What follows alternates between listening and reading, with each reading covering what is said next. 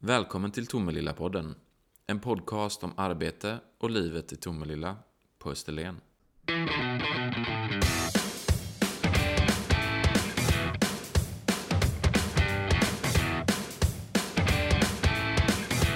Välkommen till eh, Tomelilla-podden, Armand Kreins. Tack så mycket. Du, Tomelilla-podden den skildrar arbete och livet här i Tomelilla på Österlen.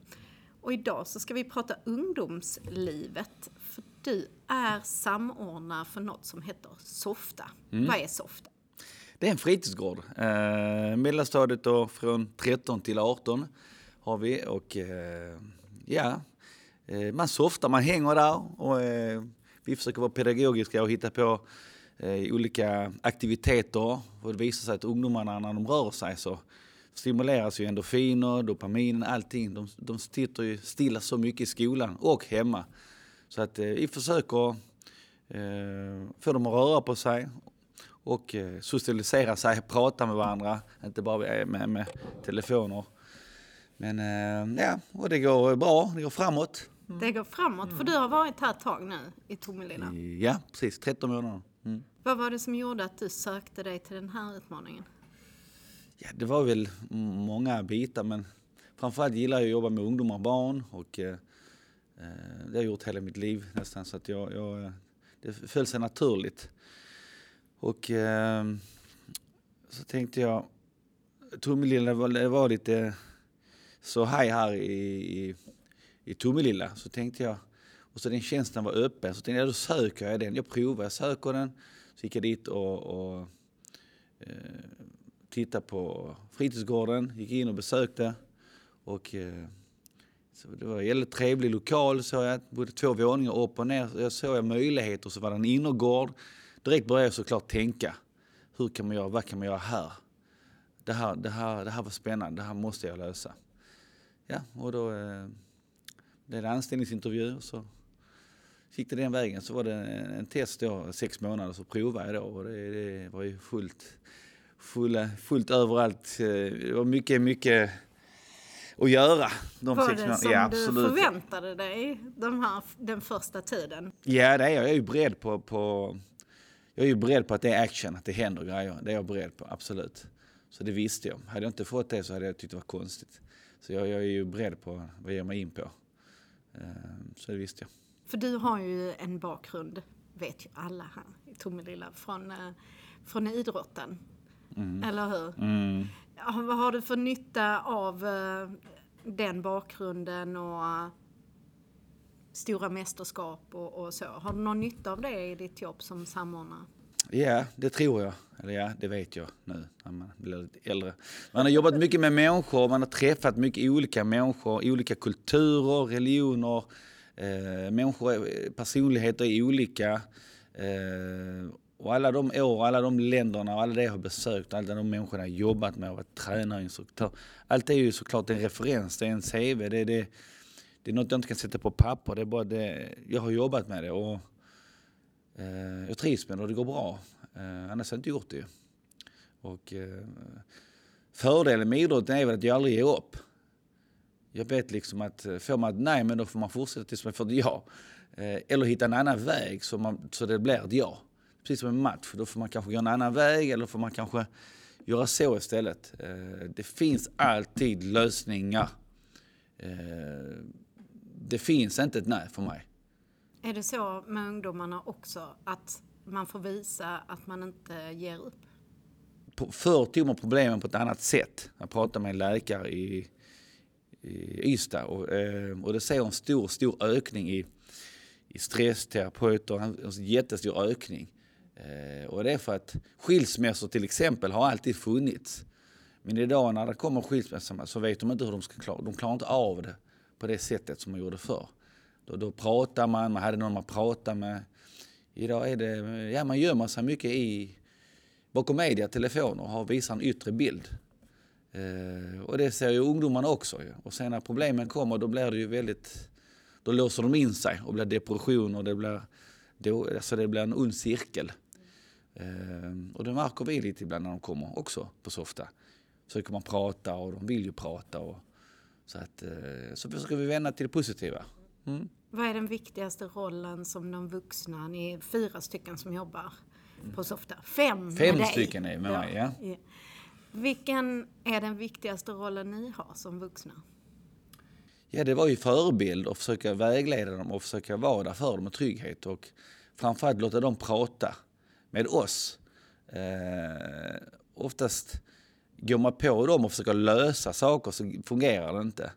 Det, det är bättre att de pratar med en. Och det kan man göra via att man spelar spel, eller man bara sitter i soffan, eller att man ser en film, eller, eller att man... Eh, någon frågar, ska spela pingis? Ja, men då kan man liksom... Och sen börjar de prata. Eh, Men oftast, typiskt manligt, så ska man lösa problemet direkt. Alltså, ja, vad är det som har hänt? Det, det, så får man inte göra. Det, då blir det fel. Eh, De, de, de öppnar sig, för de har varit i skolan hela dagen. Så när de kommer dit och vill de inte ha någon som står med pekpinnen direkt. Tänk på det där, tänk på det här. Alltså det blir ju... Det blir inte bra. Nej. Så att eh, skapa relationer. Relationer är A och O. Har man relationen, sen öppnar de, öppnar de sig. Så blir det, ju- då känner de sig trygga. Och när du känner dig trygg, då vågar du prata med mig. Ja, och när du vågar prata med mig, nu kommer det tredje steget. Då börjar vi hitta lösningen. Vad vill du göra? Vad, vad, vad är målet? Ja. Och sen har vi till och med ett fjärde steg. Jag till och med hjälper dit att hitta det här numret. Och, ja, så det finns ju, men först är ju relationen. Och vad, det här relationsbyggandet, vad tror du det gör för ungdomarna i framtiden sen? Vad skickar ni med dem? Ja, jag hoppas ju, vi skickar med dem och sätter lite spår på dem att, att eh, liksom, livet är inte lätt, man får jobba, man, men det kommer inte, allting kommer inte gratis. Man får liksom eh, kämpa lite grann och, och inte ge upp. Och sen tro på sina idéer och, och drömmar. Eh, realistiska drömmar. Och, och, eh, så följer man dem och så har man kul på längs vägen. Inte leva så mycket genom andra och eh, vad andra har. För då går åren och helt plötsligt är man 30, 40, 50. Alltså det, det går fort. Så ung. Ja, det går fort, det går fort. Så nej, men det går fort. Jag tror på att, eh, ja. Mm. Varför är det viktigt att en kommun satsar på fritidsverksamheten? Ja, det har ju bevisats upp och ner det här. eh, Det hette ju eh, fritidsgårdar, hette det ju långt innan, ja. Alltid sedan jag växte upp. Sen så blev det, de la de ner det ju på 90-talet. De la de ner allt, allting fritidsverksamhet. Det skulle de inte ha helt plötsligt. Eh, och det blev ju inte bra. Det blev ju kaos. Eh, och då startades fritidsgårdarna upp igen. Eh, eller ungdomsgårdar som det kallar Ungdomens hus heter det ju överallt. Så och fritidsgårdar. Så det börjar igen och det är jättebra för att ungdomarna måste ju vara någonstans och ta vägen någonstans innan de får jobb eller, eller eh, och sen framförallt, alla har ju kanske inte ett hem att gå till. Och, och istället för att hänga på stan och, och hamna i grupperingar med gäng så kan man gå någonstans på en, där man har en trygghet. Och, ja, det är en viktig punkt ju. Så det är ju till och med pensionärerna har ju också perioder där de går till center och träffas och det går, Alltså det är ju en viktig grej. Eh, jag menar man kan inte förvänta sig att en 14-15 år ska gå och jobba fullt heltid. Alltså det, det går ju inte. Eh, Men att de idrottar en, två gånger i veckan, eller, det, det är okej liksom. Men eh, ha en plats att andas, det är ju jätteviktigt för hela staden och kommunen och folket. För då, Ni har ju två målgrupper kan man säga med ungdomar. Det är mellanstadiet och sen så är det från sjuan till det året man fyller 18. 18. mm. Vad har, de för, vad har ni för aktiviteter för de här olika målgrupperna? Ja, där är spontana aktiviteter och det är planerade aktiviteter. Och, och vi har ju på gården har vi ju ett shuffleboard, ett airhockey, dart, musikrum. Vi har eh, ett pingisbord, två biljardbord och så har vi en projektor där man kan se film. Eh, vi hade ett Playstation ska vi ha. Eh, vi har eh, två, tre datorer. Eh, och så då sköna soffor och lite kök där de kan liksom, där lagar vi mat ibland, bakar ibland tillsammans. Eh, ja, eh, så där är massor med aktiviteter och personal. Och massa spe, spel, vanliga spel, klassiska spel är populära. Det är poppis, ja, alltså, det, det tror man är- inte. Nej, men då är det det här att de får den sociala kontakten. Och så gör vi armband ibland.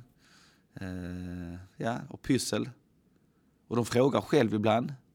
Helt fantastiskt. Men det är för att vi har skapat relationer nu, så nu kommer de själva och frågar saker. Och ingenting är skämmigt. Liksom. Så att, eh, det känns väldigt bra.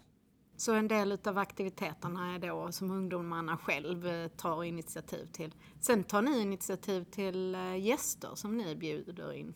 Mm, absolut, ja. Så jag försöker nätverka så vi ska samarbeta med så många som möjligt i kommunen. Och nu har vi eh, polis, brandmän och kommer de och visar ibland sina utrustningar hur det fungerar. Vad vill du försöka påverka i ditt arbete som samordnare för Softa? Att de ska ha eh, hälsosam och syn, och syn på livet, bra eh, syn på livet. Och alla är olika och alla behöver inte bli världsmästare. Eh, att man kan liksom ha ett bra och lyckligt liv och, och lev fint och bra. Och, så, eh, enkla regler liksom, följ dem och eh, eh, så blir livet bra. Sen vill jag att föräldrarna kommer in och det börjar de komma mer och mer och in och de känner trygghet. De släpper sina barn dit och eh, bjuder dem på kaffe. Föräldrarna får komma in. Så att, eh, öppen verksamhet helt enkelt. Så att, eh, ja, det är det jag vill, jag vill påverka. Glädje och stimulera dem så de mår bra helt enkelt. Vad härligt ja. det låter. Men du, vad är det bästa med ditt jobb? Vad är det absolut bästa? Vad är det du liksom tänker på innan du sluter ögonen på kvällen? Där? Det där var väldigt bra. Spännande va? Eh, det bästa är väl när man har lyckats eh, påverka och vända någon till det bättre. Och då kommer de tillbaka sen och, eh, och man ser att det har gått bra. Men de kommer tillbaka och säger hej till en eller hälsar på på gården. Då ser man att gud, det här, det här, jag har ju förändrat en grej. Eller vi har förändrat en grej. Då blir man glad. Va?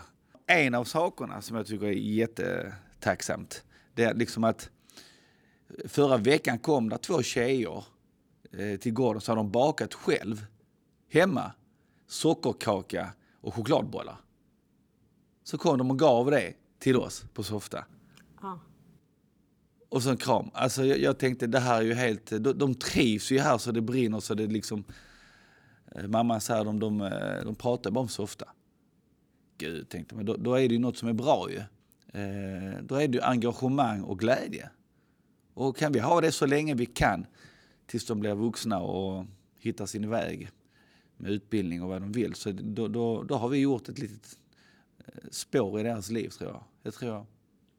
Tusen tack för att vi har fått en inblick i Softa och ditt arbete för ungdomarna här i Tomelilla på Österlen. Mm. Tack så mycket. Och man kan följa er på Facebook då, på mm. Softa fritidsgård. Mm, och Instagram. Och Instagram ja, också. Bra. Vad heter ni där? Softa också? Japp. Yep. Bra. Mm. Tusen tack. Tack så mycket. Du har nu lyssnat till Tomelilla-podden. En podcast om arbete och livet i Tomelilla på Österlen.